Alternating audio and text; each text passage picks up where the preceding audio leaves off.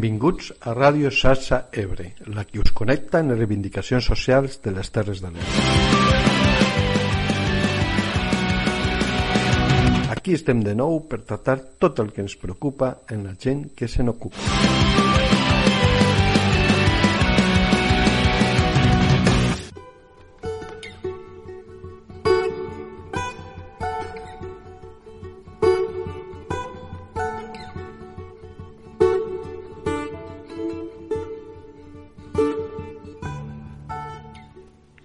Bon dia i bona hora, bona gent. Què us sembla si en aquest càlid matí de juliol del 2020 fem un petit exercici d'imaginació i ens traslladem uns 1.600 anys enrere per parlar amb la gent que aleshores vivia per aquestes terres. Si ens fem una mica els despistats i es deixem caure que pot ser veurien desaparèixer l'imperi romà, què creieu que ens dirien? Jo em penso que dirien que ni de conya, que els romans estan forts, que moltes vegades han tingut problemes pitjors i sempre els han superat. Fixa't, ens diríem, com li van arrear dur a la Guerra Freda als cartaginesos. Ah, no, perdó, que aquesta va ser calenta. Aquests cartaginesos que semblaven tan poderosos al Mediterrani. Com podrien uns desorganitzats bàrbars del nord carregar-se un poder així? Això és confondre desitjos en realitats, potser, ens dirien.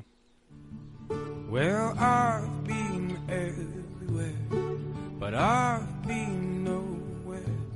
It was all the Indian in vermilion blood. Mm, Val, a la millor alguns esteu pensant que, que és el que m'ha agafat, que l'he agafat aquest home. No res, no res. Només volia dir que de vegades les coses estan canviant i no ens adonem perquè tenim una perspectiva massa curta en l'espai, en el temps o en les dues coses alhora i tendim a només veure allò que confirma els nostres prejudicis sense detectar els indicatius dels canvis. Because all the world could not view of I parlant de les nostres limitacions d'aquí i d'ara, per veure el que ens envolta, hem de tenir clar que formem part d'una cultura que ha fet religió de l'autonomia individual. I, per cert, és una de les poques. Per exemple, agafem el cotxe i anem on volem i quan volem. Ja m'enteneu, no és absolut, per suposat, sempre hi ha condicionaments. Però la cosa és que ens fa sentir bé no haver de coordinar amb els horaris de transports públics, si és que disposem d'aquests, tot sigui dit i no es posem a valorar contaminacions ni altres coses com les possibilitats de relacionar-nos que ens dona mobilitzar-nos col·lectivament. Ens agrada pensar que així som més lliures, només atenent al ritme nostre o com a molt només al dels més propers. I potser per això ens costa tant suportar les restriccions que ens ha tocat patir ara i contra les que alguns es rebel·len de mil maneres. With me. Oh, you're right where you are supposed to be. Però aquest individualisme miop és també unidimensional, quan intenta reduir-ho tot als diners i valorar els altres en funció de l'anomenada productivitat. Ningú, amb una mica de sentit comú, pot negar la importància d'allò material o econòmic, sobretot quan falta el més bàsic, però pretendre que el valor d'una persona és estrictament la seva aportació dita productiva és una barbaritat. Sobretot perquè qui determina el que és productiu? Qui va decidir que el treball de cura de la família que feien i fan les dones a casa no és no era productiu? Qui ha decidit a la nostra societat que la gent gran no és productiva des que es jubila? Oh, stay with me. Oh, you're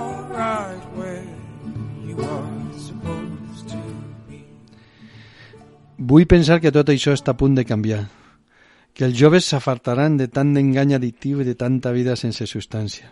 Hi ha alguns senyals en aquesta direcció. Per exemple, m'ha sobtat eh, la campanya que alguns joves, molt joves, de tot el món, acaben de fer per TikTok, sí, heu sentit bé, per TikTok, per tal de comprar entrades de l'acte massiu que volia fer Trump, bueno, que va fer Trump, per iniciar la seva campanya per la reelecció i després no anar-hi i deixar-lo això que diguem popularment amb el cul a l'aire. I se'n van sortir. En fi, que pot ser que estem com fa 1.600 anys a una generació d'un canvi que no sabem per on sortirà. Pot ser hi haurà, com sol passar, un temps d'incertesa abans d'un renaixement, que aquesta vegada sí, estaria bé que arribés a tota la gent i no es quedés només sol en un grup d'il·luminats per molt influents que puguin arribar a ser. No trobeu que és engrescador pensar que podem formar part d'aquesta gran onada i que aquí, en el nostre petit racó del món, a les nostres volgudes Terres de l'Ebre, no es quedarem de braços creuats mirant com passen les coses, sinó que intervirem decididament?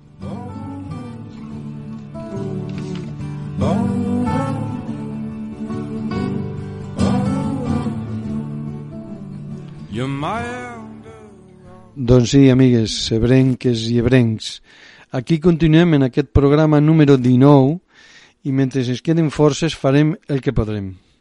Volarem i aterrarem tantes voltes com faci falta.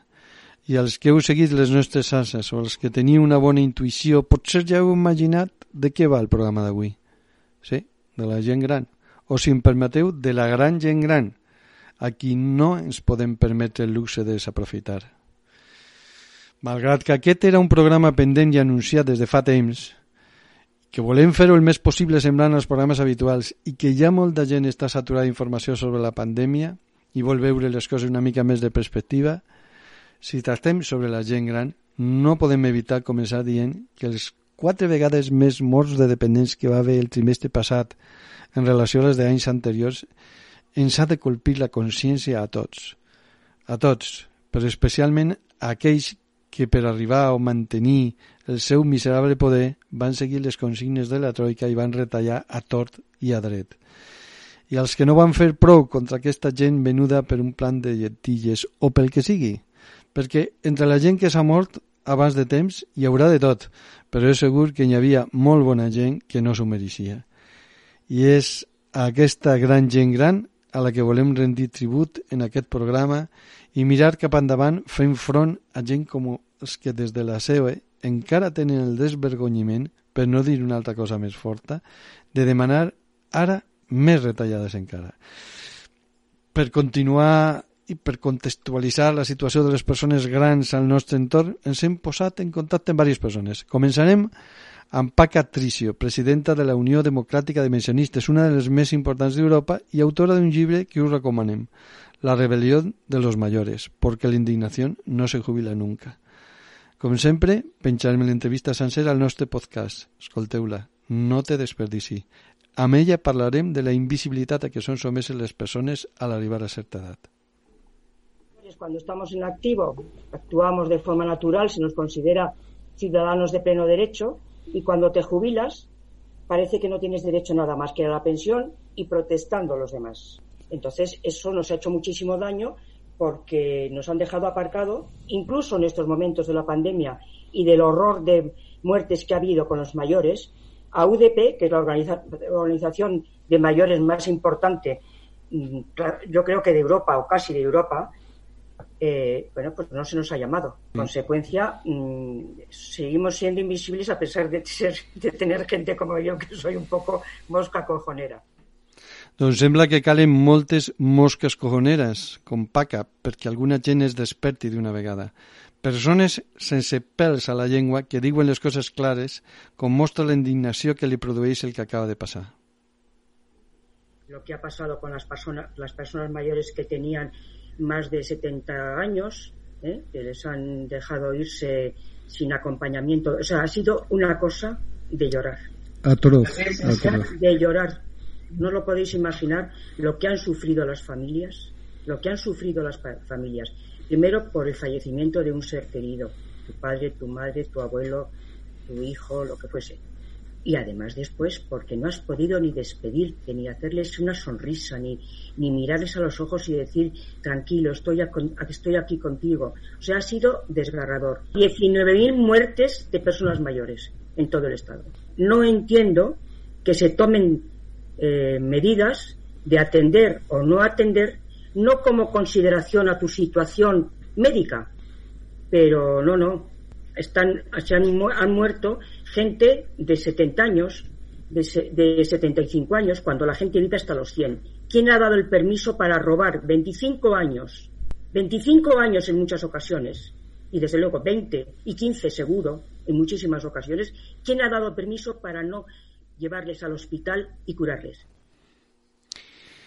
Van també provar d'aprofundir en els que ens ha portat aquesta situació, com ella fa al seu llibre, on parla de dadismes, aquesta mena de toc paternalista i condescendent en el que molt freqüentment ha estat a la gent gran, perquè s'entengui millor, es va explicar una anèdota d'un amic seu que va anar al metge. Bueno, pues va a los 85 va al médico y le dice el médico, Enrique, ¿qué, has, qué te pasa? ¿Qué has, ¿Para qué has venido? Dice, pues mira, fulanito, he venido porque me duele mucho la pierna derecha. Dice, hombre, Enrique, este todo. Hombre, Enrique, pero ¿qué quieres? Pero vamos a ver, con 85 años, Enrique, ¿qué quieres que pase? Dice, ¿qué, qué quiero que pase? La, dere la izquierda tiene mismos años y está, no me duele nada. Hace el favor de curarme. Eso es un edadismo. Pero vas a los juzgados y tienes un accidente y cuando te miran, los, cuando te hacen la valoración, si tienes años, te dicen, bueno, es que es lógico. Es que ese golpe que se ha dado usted y que ya ha roto la cadera, es que es lógico, claro, es que ya usted es muy mayor. Pero vamos a ver, de verdad, de verdad. ¿Sabes hasta cuál, cuál es la, la, la línea de vida que más crece? La de los 100 años. Hay más centenarios que nunca. Que nunca. Como, como a los 70 años alguien, alguien puede ser mayor. Para empezar, ¿cómo es que a los 50 años echa la gente a la calle? I sobre la situació de les dones grans li va dir això a la nostra companya Sílvia. De estas mujeres que han trabajado toda la vida en su casa, cuidando a su marido, la casa, los hijos, el marido muere, si ya eran Como de... somos menos las mujeres, ¿eh? Te dan la, la, la mitad de la paga que, cobra, que el marido ha trabajado y resulta que las, y las viudas están en el umbral de la pobreza en un porcentaje altísimo y las personas mayores están en el umbral de la pobreza porque la mayoría somos viudos ya por la edad que tenemos. Los may- los las, las mujeres mayores tenemos que andar dando codazos. Démoslos. Estamos en ello, estamos, estamos en ello. Exactamente. Mira, se han, se han acostumbrado tanto a que les digan tú no vales para nada, tú no sabes, no sabes llevar un teléfono actual, tú no sabes hacer, tú no sabes, que claro, llega un momento que ellas mismas creen lo que les están diciendo. Yo siempre digo, hay que luchar contra eso, que ¿cómo que no vales? Salut és lluita, com va assenyalar Àngels Martínez Castell al programa primer de Ebre. Lluitar contra l'apartheid en què moltes vegades col·loca la gent gran, contra el paternalisme, contra l'autominusvaloració i contra l'anomenat factor de sostenibilitat que pretén calcular les pensions en funció de l'esperança de vida. Quina recaneria, per Déu. Tot menys reconèixer que es tracta d'un dret i els drets s'han de garantir per damunt de qualsevol altra consideració i blindar-los a aquesta Constitució de la que només fan referència quan els convé. Els diners, els diners es diran que no hi ha diners. Com deia Evelio al programa anterior, que deixen de comprar uns quants d'eixos avionets, que cap falta es fan. Hi ha tantes despeses inútils o directament contraproduents, per no parlar de corruptes i de paradisos i evasions fiscals de tota mena, que són la mare del corder. Que no ens parlen de diners, per favor. En resum, Pues mira, te lo puedo hacer un resumen muy rápido. Los los las personas mayores somos ciudadanos de pleno derecho, por lo tanto tenemos todo el derecho a que se nos trate exactamente igual que cualquier ciudadano o ciudadana de este país. queda dit i ben dit. Paca diu també al seu llibre que la soledat mata, i mata molt més del que ens pensem. D'això també vam parlar amb Jordi Bonilla, que com voluntari de la Creu Roja ha fet acompanyament telefònic i de vegades presencial a molta gent gran que es troba sola al Terres de l'Ebre i ens va dir Vull dir, a veure, d'alguna manera la societat està donant-se compte de que hi ha molta gent sola a casa i s'estan activant mecanismes per evitar-ho, per fer doncs, de que d'aquesta gent doncs, eh, d'alguna manera no, no, no estiguin desemparats. És trist no? que estàs tota la vida eh, aportant en aquesta societat i en els últims anys ningú se'n recordi de tu, no? Ja, siguis bé o malament, però que ningú se'n recordi de tu i que els teus fills estan ocupats i, o estan lluny o, o senzillament. Ah, jo penso que la gent gran es mereix, es mereix un respecte i es mereix un, una marxada digna de, de, de, de digna i a, i a mida de, de la seva voluntat. Per parlar precisament de vida digna i de com això es pot concretar quan es referim a la gent gran, vam entrevistar a Mercè Forés, geriatra i especialista en salut pública, nascuda a Tortosa i que ha estat molts anys de metgessa rural perdó, a un poble de Girona. Amb ella vam parlar del model d'atenció. Uh -huh. Tal vegada hauríem de també pensar quin és el model d'atenció que seria el més convenient per a, començar a caminar en aquesta, en aquesta direcció de lo que n'hi ha en aquest moment i de lo que seria l'ideal, tu què en penses? Bé, jo crec que el que tenim ara no està gaire ben pensat, o potser no està ni pensat. S'ha utilitzat eh, sistemes des d'un punt de vista doncs, de rentabilitat econòmica o de facilitat per aparcar els problemes d'una manera o de cuidar els avis en persones que en aquell moment no necessitaven, tot això no ens serveix gaire.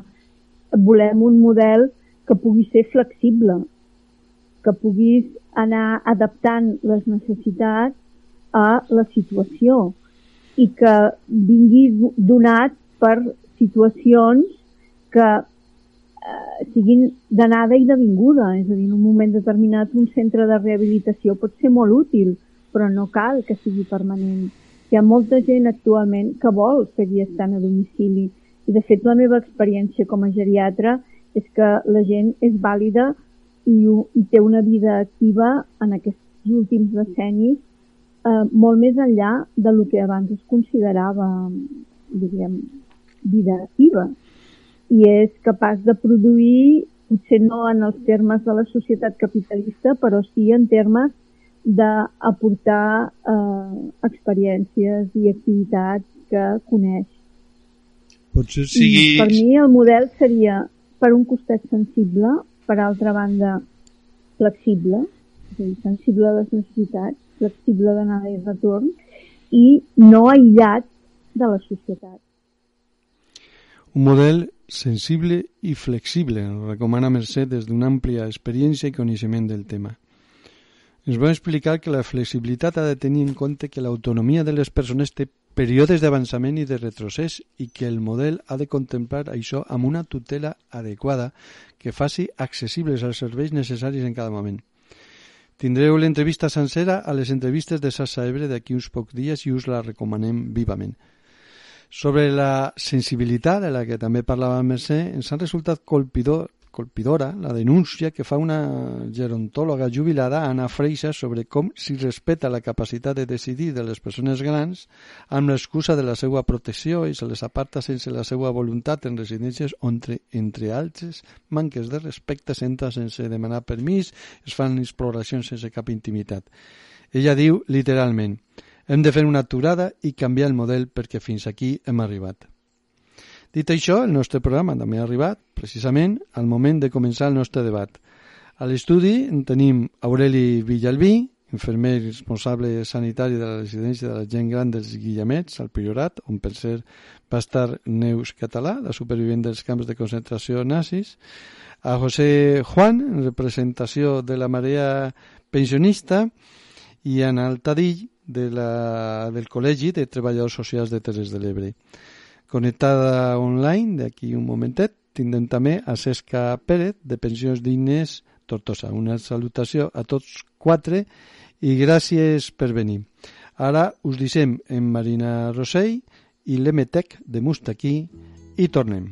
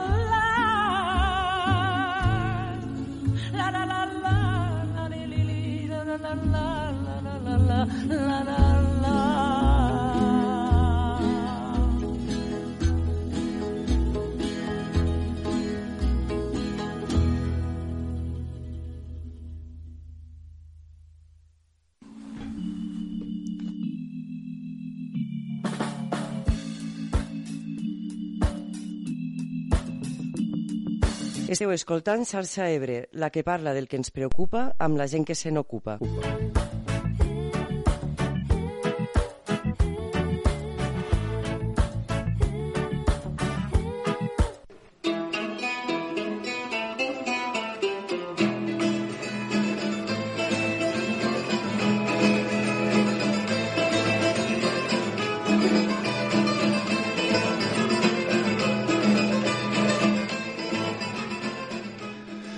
Disculpeu perquè ara hauríem de, hauríeu d'escoltar els que esteu escoltant-lo en diferit, perquè en directe sí que ho vau poder sentir, la primera intervenció dels nostres convidats.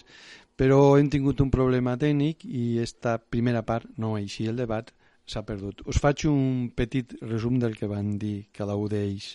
Eh, Aureli, que és el primer que va parlar, eh, senzillament ell va dir que no tenia constància de que hi hagués eh, cap persona al seu territori, a la seva zona, que coneix, la zona de la Ribera d'Ebre, que hagués estat eh, maltratada, no? Eh, per la seva part, eh, José Juan, de Maria Pensionista, ens va fer un, un recull que després també va continuar i ho sentireu al debat, en el sentit de tota la part històrica econòmica de com les retallades i les diferents polítiques han anat fent cada vegada eh, més, eh, més difícil la situació de la, de la gent gran. No? Uh, Anna Altadí també va dir que per part de, de la gent que treballa en serveis públics que és necessari una millora de, de, de l'atenció, del model d'atenció, us sentireu al debat quina és concretament la seva proposta. I Cesca Pérez de, es va parlar del, de, del blindatge de, de les pensions i en general de la seva reivindicació de pensions dignes, de que va, tot va començar en aquella que van interpretar com a burla d'aquella pujada del 0,25% que en carteta inclosa que va costar més de lo que el del 0,25% als pensionistes de l'època de Mariano Rajoy a partir d'ahir se van, se van coordinar i han fet la seva protesta. protesta. El sentireu a tots quatre al debat que ara després de la música us posarem.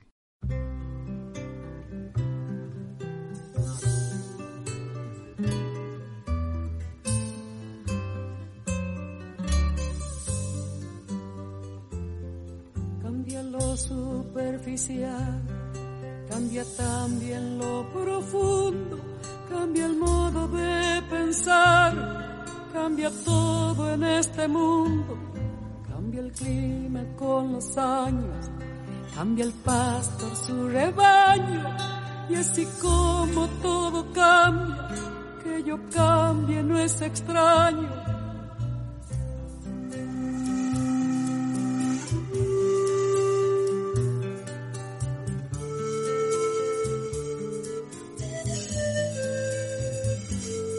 Cambia el más fino brillante de mano en mano su brillo, cambia el nido el pajarillo, cambia el sentir un amante, cambia el rumbo el caminante, aunque esto le cause daño, y así como todo cambia, que yo cambie no es extraño, cambia todo cambia.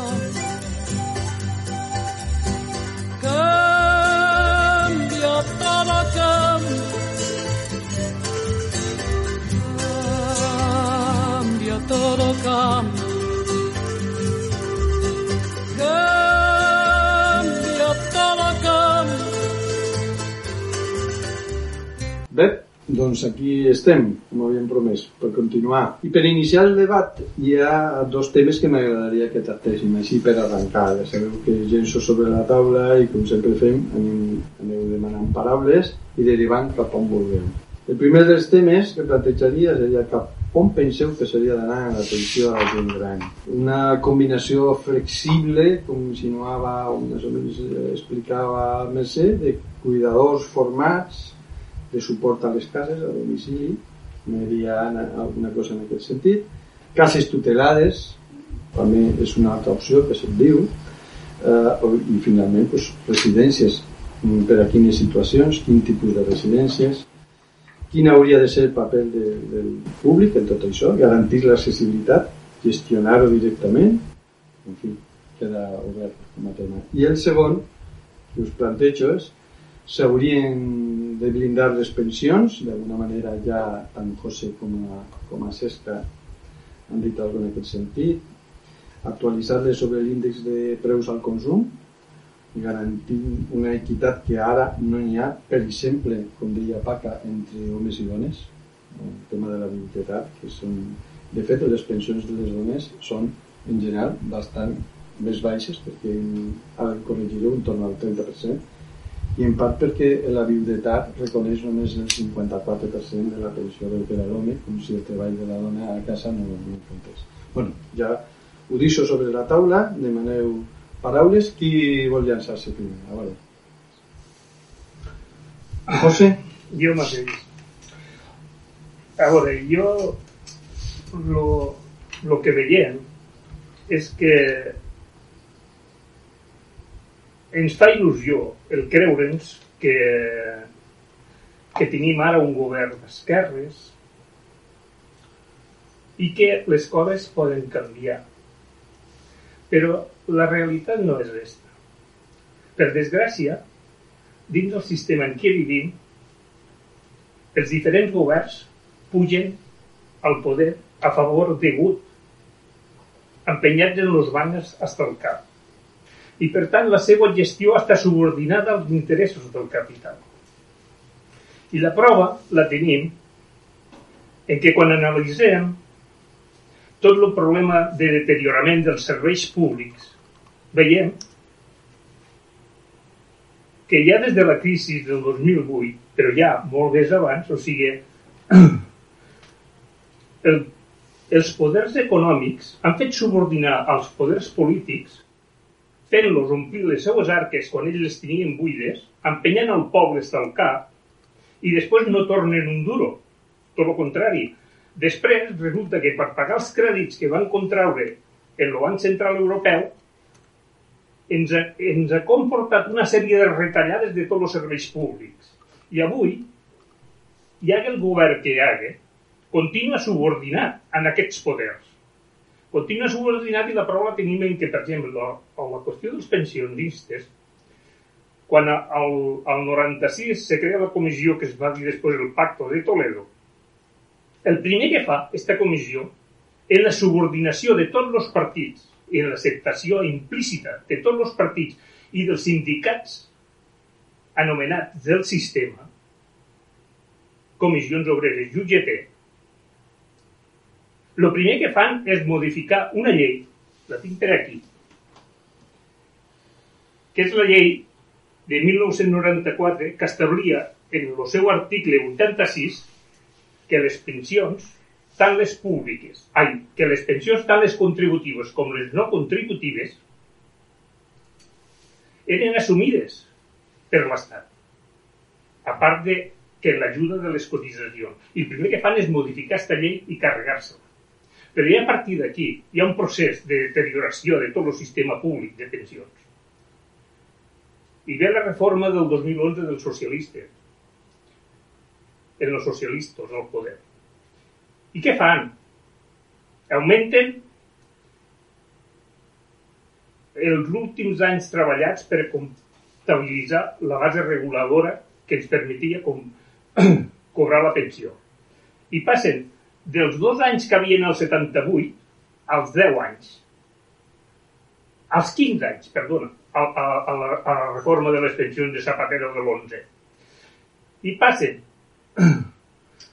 de poder-nos jubilar en 35 anys cotitzats a 37 anys i mig. I passen de jubilar-nos als 60... Passen de poder cobrar la pensió en 35, en 35 anys cotitzats a 37 i mig. I passen de poder jubilar-nos als 65 anys als 67 i mig. Us demanaria una cosa, feu, feu les intervencions ara una miqueta més curtetes per, per afavorir la fluidesa del, I Bueno. després tornem. De la mateixa manera, després de la pensió de la reforma laboral del 2012, i aquesta reforma laboral, indudablement, prostitueix tot el mercat laboral, accentua les contradiccions d'aquest mercat laboral perquè el que fa és crear una sèrie de contractes basura, facilita el despido lliure i, per tant, baixa la cotització perquè hi ha moltes més baixes al- als llocs de treball, baixa la, les cotitzacions de la Seguretat Social. I després ve la reforma del 2013 del, del PP, que ho acaba de redonir. I el primer que fa és desvincular el PP. La pujada de l'IPC dels salaris i de les pensions. Després continuarem. Sí, anem a donar entrada a algú més i així fem més fluid el diàleg i retornarem. Algú que s'anime? Bueno, jo Anna? la primera pregunta que ha fet en quant a model d'atenció a la gent gran que tenim actualment, doncs el que voldria dir és una mancança que observo. És a dir, atendre una persona gran dependent eh, no hi ha un temps límit. No es tracta d'un any o dos anys, no hi ha un temps límit. Pot, pot ser una malaltia que comporta no tindre-la que atendre a domicili 15 o 20 anys. Per tant, t'has d'organitzar en quant a la dinàmica d'aquella família. Les places públiques de residència actualment sabeu que tenen les persones en grau de dependència 2 i 3. Les 1 no tenen cabuda. I en tot i en això, la llista d'espera pot ser en dones, jo explico la meva experiència personal, d'un any i mig o dos, i en homes d'un a un any i mig.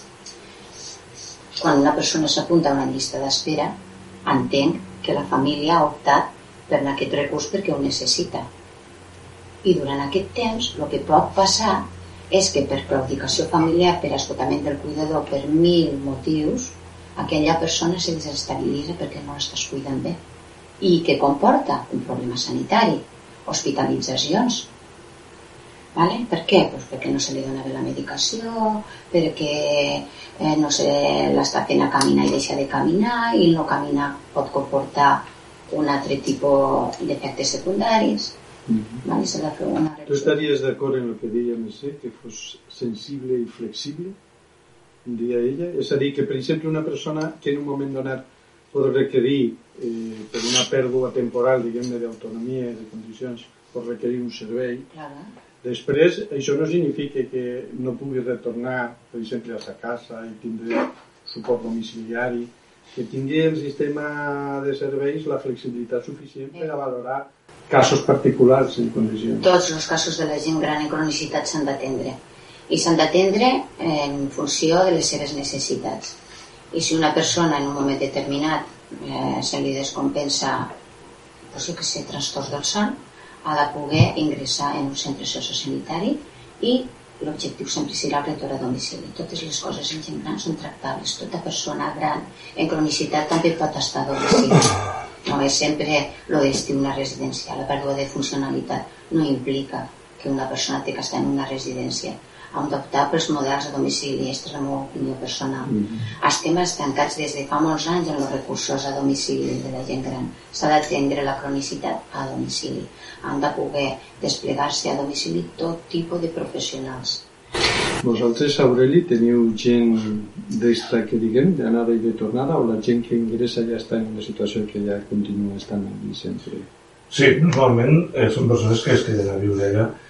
Pensa que la majoria de persones que tenen estan entre 90 i 100 anys i, bueno, doncs... Eh, Han arribat a un nivell de dependència Sí, que... sí, a part de l'edat, amb moltes patologies afegides que fan molt difícil que puguen estar al seu domicili. I creus tu que hi ha prou accessibilitat econòmica? Perquè, clar, eh, José parlava una mica de la situació econòmica en general, no? de tot el que ha passat. I, diguem hi ha gent que senzillament no pot eh, accedir al servei perquè no té diners ni possibilitat d'aconseguir un Mm. concert. Eh, segur que, que hi ha aquests casos, seguríssim. Tot i així, tenim molta gent, com diu la companya, que no poden ni arribar a entrar dins del sistema, perquè hi ha unes limitacions de pressupost, de la Generalitat, no només de les famílies, i del número de, de, de llocs per anar de residències. Que si hi haguessin més residències públiques i privades també, podria accedir molta més gent que moment no podem arribar. Falten places, sí. Cesca, tu abans parlaves de blindatge. Blindatge de les pensions. Voldries desenvolupar això una mica què s'està fent en aquesta lluita i què és exactament el que demanaríeu? No se li sent, eh, Juan Estàveu Carlos. parlant. Eh, penso que el model, o sigui, el que no podem tornar a fer és no donar a la gent gran opcions.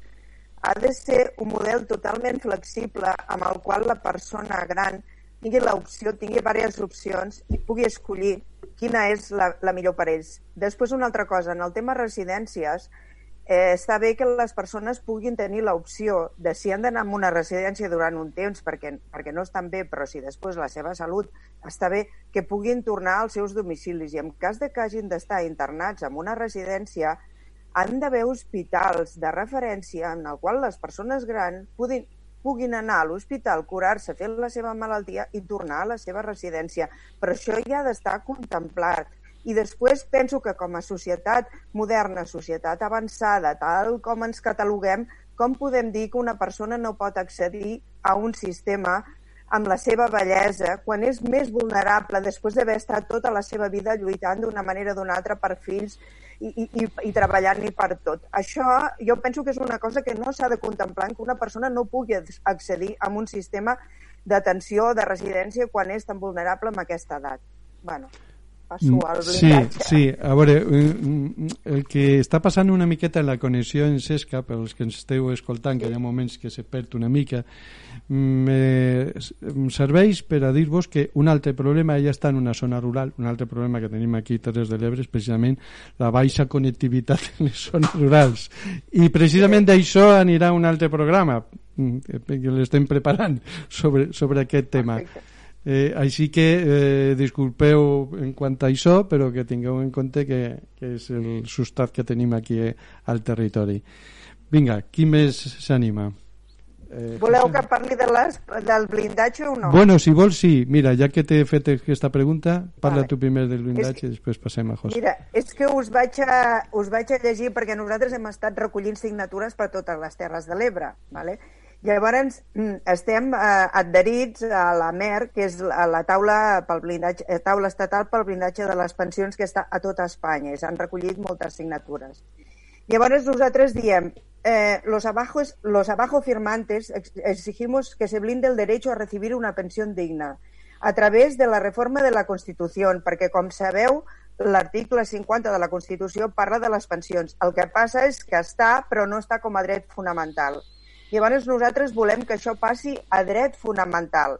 Llavors que sigui un, un dret que cap govern que canvi no pugui canviar aquest blindatge d'aquestes condicions.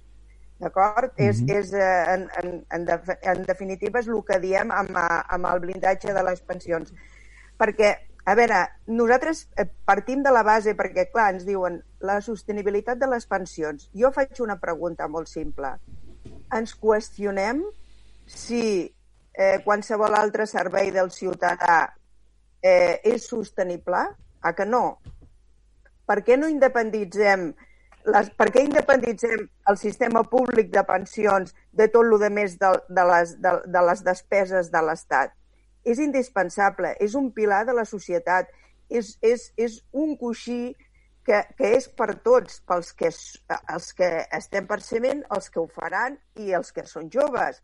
Per tant, eh, el tema de la sostenibilitat ha de ser, mm, no ha d'estar qüestionat. Ha de ser, és un dret, és que no només és un dret, és un pilar, un eix de la societat. Per tant, exigim que estigui blindat per llei, que cap govern i cap partit pugui canviar això, entri el govern o no, que, sigui, que estigui totalment blindat. Això és, diguéssim, el que nosaltres eh, estem amb la, amb la mesa estatal de, pel blindatge de les pensions. Gràcies? Esca.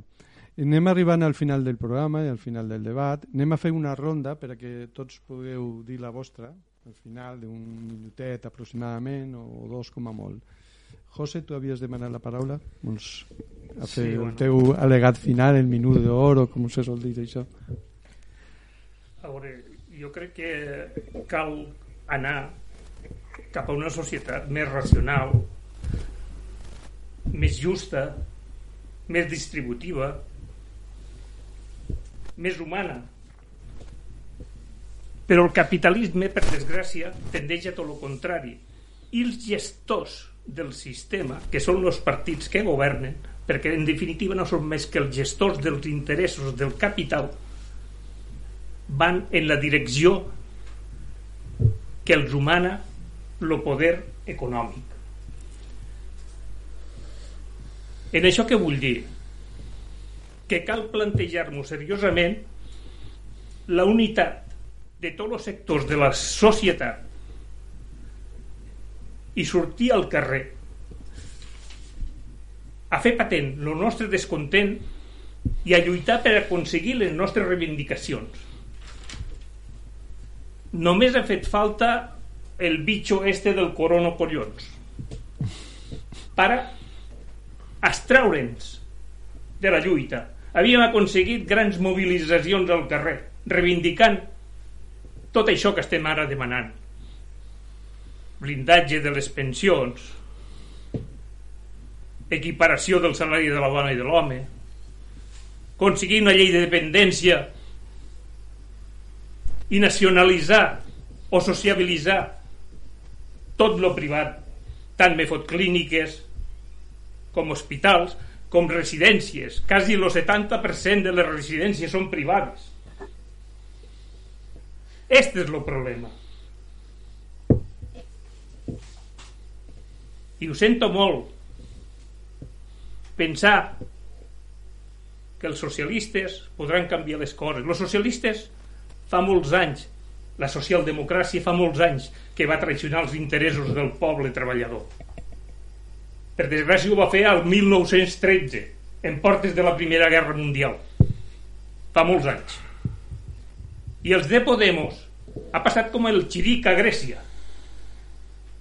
Lo capital crea els seus instruments per amortiguar la lluita social, per amortiguar-nos. Ho fa per l'extrema dreta, que és l'instrument del fascisme que té per a fer temor al poble, i ho fa per l'esquerra, creant partits que pareix que van a transformar el món quan, quan arriben al poder no tenen la més mínima valentia, com dia d'és, de legislar a favor del poble.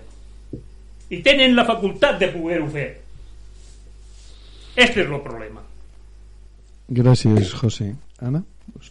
Bueno, jo el que voldria dir, no sé si sóc massa atrevida o què, però considero que atreviste, atreviste. En, la, en la gent gran no es poden nutrir persones o fundacions. Penso que és un dret que tenen, vale? les hem d'atendre, és la nostra obligació com a ciutadans. Considero que és el sistema públic qui se'n té, qui se'n té que fer càrrec. Una plaça pública de residència, Aurelia, en tot cas me corregirà, però pot ser perfectament de 1.800 a 2.500 euros mm. són diners que són de tothom i en aquests diners si se desplega el que he comentat abans eh, recursos a domicili podria ser possible que mantinguéssim a les persones en el seu mig natural és on volem estar tots quan siguéssim grans vale? per, tot i que les residències poden estar molt bé i estan molt bé moltes d'elles vale? però considero que el seu mig natural d'una persona gran és estar a casa i si, i si dissenyem bé el model és possible en casos, de, evidentment mm, si són cuidadors o siguin professionals que van a domicili tenen que estar supervisats hi haurà casos que no podran estar i tenim que donar mà de les places residencials i de centre de dia ¿vale? i el sociosanitari, pues bueno, en aquells casos que les persones grans estan descompensades eh? i per lo tant tenen un dret a anar-hi que se'ls atengue i després, pues bueno, aviam el que dia s'esca del, del, de la flexibilitat i de lo que vulgui la persona vale? s'estudia la situació i se valora si és possible o no el sobretorn Gràcies, Anna. Aureli, la teua? Molt bé, jo estic molt d'acord amb ells i crec que millorar l'atenció a domicili és molt important i millorar i augmentar perquè un altre tema és que mm, les residències estan on estan i molta gent eh, quan va viure allà mm, se'n surt del seu entorn està allà ja, no només perquè tingui dificultats de, de salut sinó per impossibilitat d'anar al lloc on vivia relacionar-se amb la seva família, amb els seus amics. L'atenció a domicili hauria de ser una cosa molt important i que es desenvolupés molt més. Però com dia el company abans hem de tenir en compte una cosa que les retallades continuen no s'han tirat enrere. I mentre no es mogui aquest tema i continuem amb les retallades pues, el pressupost és el mateix o menys llavors els polítics són els que han de canviar aquestes coses i nosaltres i pressionar nosaltres I pressionar perquè canvien Sí, perquè i nosaltres que- pressionar també, sí. sí, sí. Cesca, acabes tu digues Doncs la sanitat, les pensions, la sanitat, l'educació, els serveis relacionats amb el ciutadà són cosa de tots i hem d'anar tots junts i eh, reivindicar-los. I llavors una altra cosa, totes les coses que ens fan els partits, jo ja he fet un tom amb això, amb, amb això. És cosa nostra. La partitocràcia ja, jo ja l'he oblidat i quan aquest país l'oblidi anirem endavant, perquè la gent continua votant per afinitat, per ideologia, per sentimentalisme, i això no és així. Hem de votar pels nostres drets, i aquest és el problema que tenim a aquest país, que votem per afinitat, perquè a més a més només veieu una cosa, quan hi ha una gran manifestació, eh, per exemple, per altra cosa, ara dic a l'independentisme per dir-ho, vale? podria ser qualsevol altra cosa, hi ha una quantitat de gent, de joves impressionants, amb la salut, amb l'educació, amb les pensions, amb reclamar tot això que tots serem grans i tots necessitarem d'aquestes coses, quatre gats, perquè nosaltres ho sabem. Per tant, quan la societat desperti i se'n doni compte d'això, farem coses. Mentre no, no donem la culpa als partits. Els partits se'n beneficien, se'n beneficien. Per tant, com els hi deixem fer, fet d'estar. Bueno, em sembla que ja, he- ja he dit molt, no? gràcies, gràcies és que la veritat és que el, to, el tema donaria per a molts programes però aquest ho hem, ho hem d'anar acabant perquè ja ens hem passat de temps us deixem en un trosset, un fragment d'una cançó que es diu Coronavirus de, de Curro Fatàs. El tema és seriós però anem a posar una miqueta d'humor també que ens ha resultat curiosa. Hi ha una frase que diu Curro Fatàs dice pasaron ya los 60 y ya no les salgo a cuenta una mica perdida això de l'actitud que se té respecte a la gent gran. Rimes fàcils a banda, jo crec que resumeix bastant bé com són certes mentalitats de les que hem anat parlant avui. Tornem després de la cançó, del fragment de la cançó, per acomiadar-nos, donem-vos informació sobre els propers plans de Sassa Ebre. He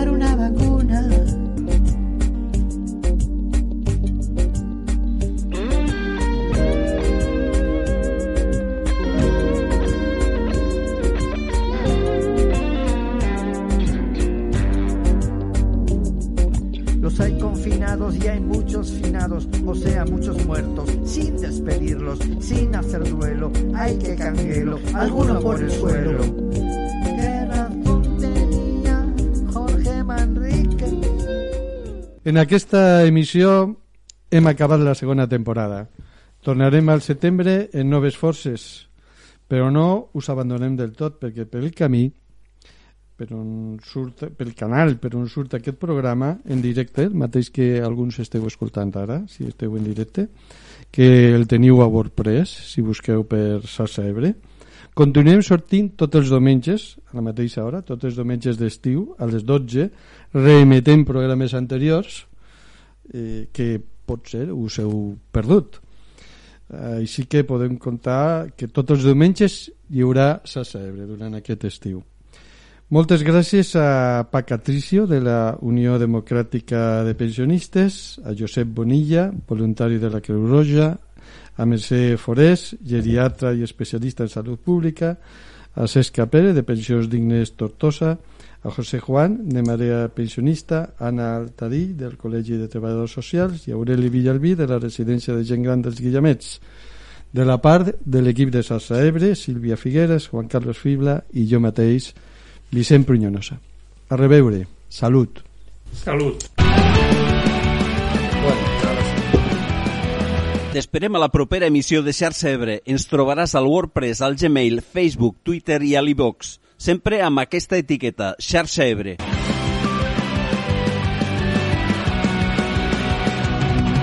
No oblides subscriure't, sabràs les dates i els convidats dels propers programes. Fins aviat, seguim fent xarxa.